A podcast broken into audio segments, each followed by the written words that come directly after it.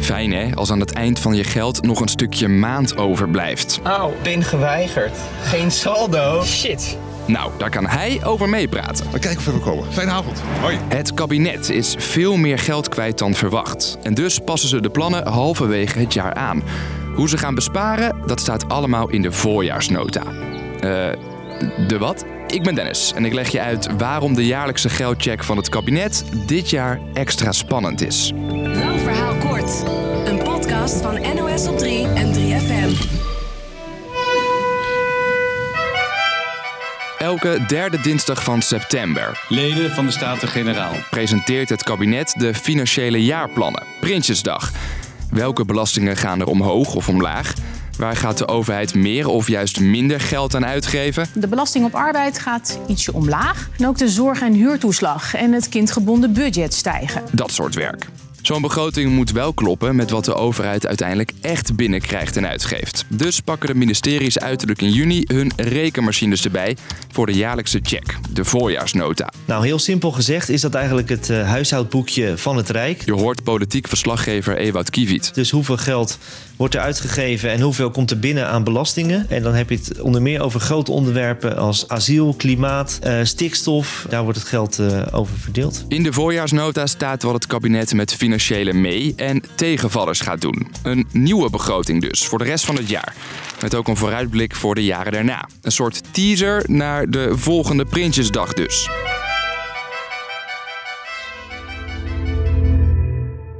Oké, die voorjaarsnota is dit jaar extra spannend. Ja, dat kun je wel zeggen. Financiële meevallers waren er namelijk nauwelijks. En tegenvallers, tja, Er is behoorlijk wat geld uitgegeven de afgelopen tijd. Eh, eerst de coronasteun tijdens de coronapandemie voor heel veel ondernemers.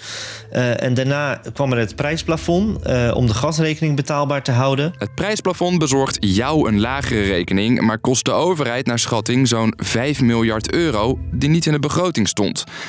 En zo kwam er de afgelopen tijd kostenpost na kostenpost bij. Nou, bijvoorbeeld eh, het geld wat naar Groningen gaat, eh, wat het kabinet heeft uitgetrokken om daar ja, de leefbaarheid te verbeteren na de gaswinning en de bevingen. De klimaatplannen van eh, minister Jette. Eh, daarnaast kost de asielopvang miljarden extra, omdat er heel veel noodopvang nodig is. En er is nog een probleem. Let op. Geld lenen kost geld. De rente die de overheid voor leningen betaalt is flink gestegen. Waardoor geld lenen duurder is geworden. Het kabinet heeft de afgelopen tijd heel veel geld geleend. En dat betekent dus ook dat er nu eh, bezuinigd moet gaan worden. Weinig meevallers, veel tegenvallers, hoge rente.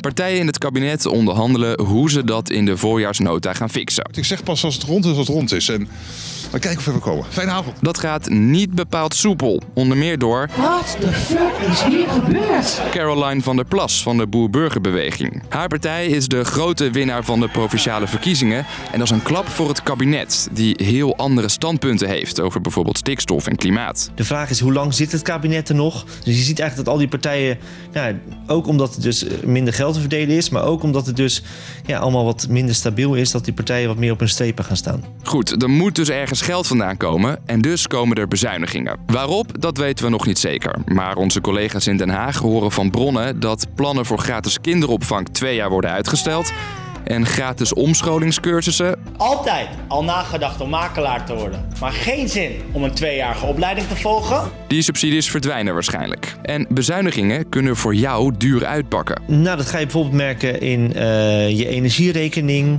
eh, in, eh, in de zorgkosten, je premie misschien die je moet betalen bij je zorgverzekeraar. Maar het zal toch nodig zijn om de andere plannen, zoals dat enorme klimaatpakket, schade in Groningen en de asielopvang, te kunnen betalen. Dus, lang verhaal kort. Het kabinet heeft veel meer geld uitgegeven dan verwacht en moet dus gaan bezuinigen. Onderhandelingen zijn erg moeilijk, want het gaat om moeilijke onderwerpen en heel veel geld. Wat er precies verandert, moet het kabinet nog bekendmaken. Maar de voorjaarsnota moet er in ieder geval voor 1 juni zijn. Nou, dat was de podcast weer voor vandaag. Wij beknibbelen in ieder geval niet op onze podcast, want morgen vind je rond 5 uur weer een nieuwe aflevering in je app. Bedankt voor het luisteren en tot de volgende!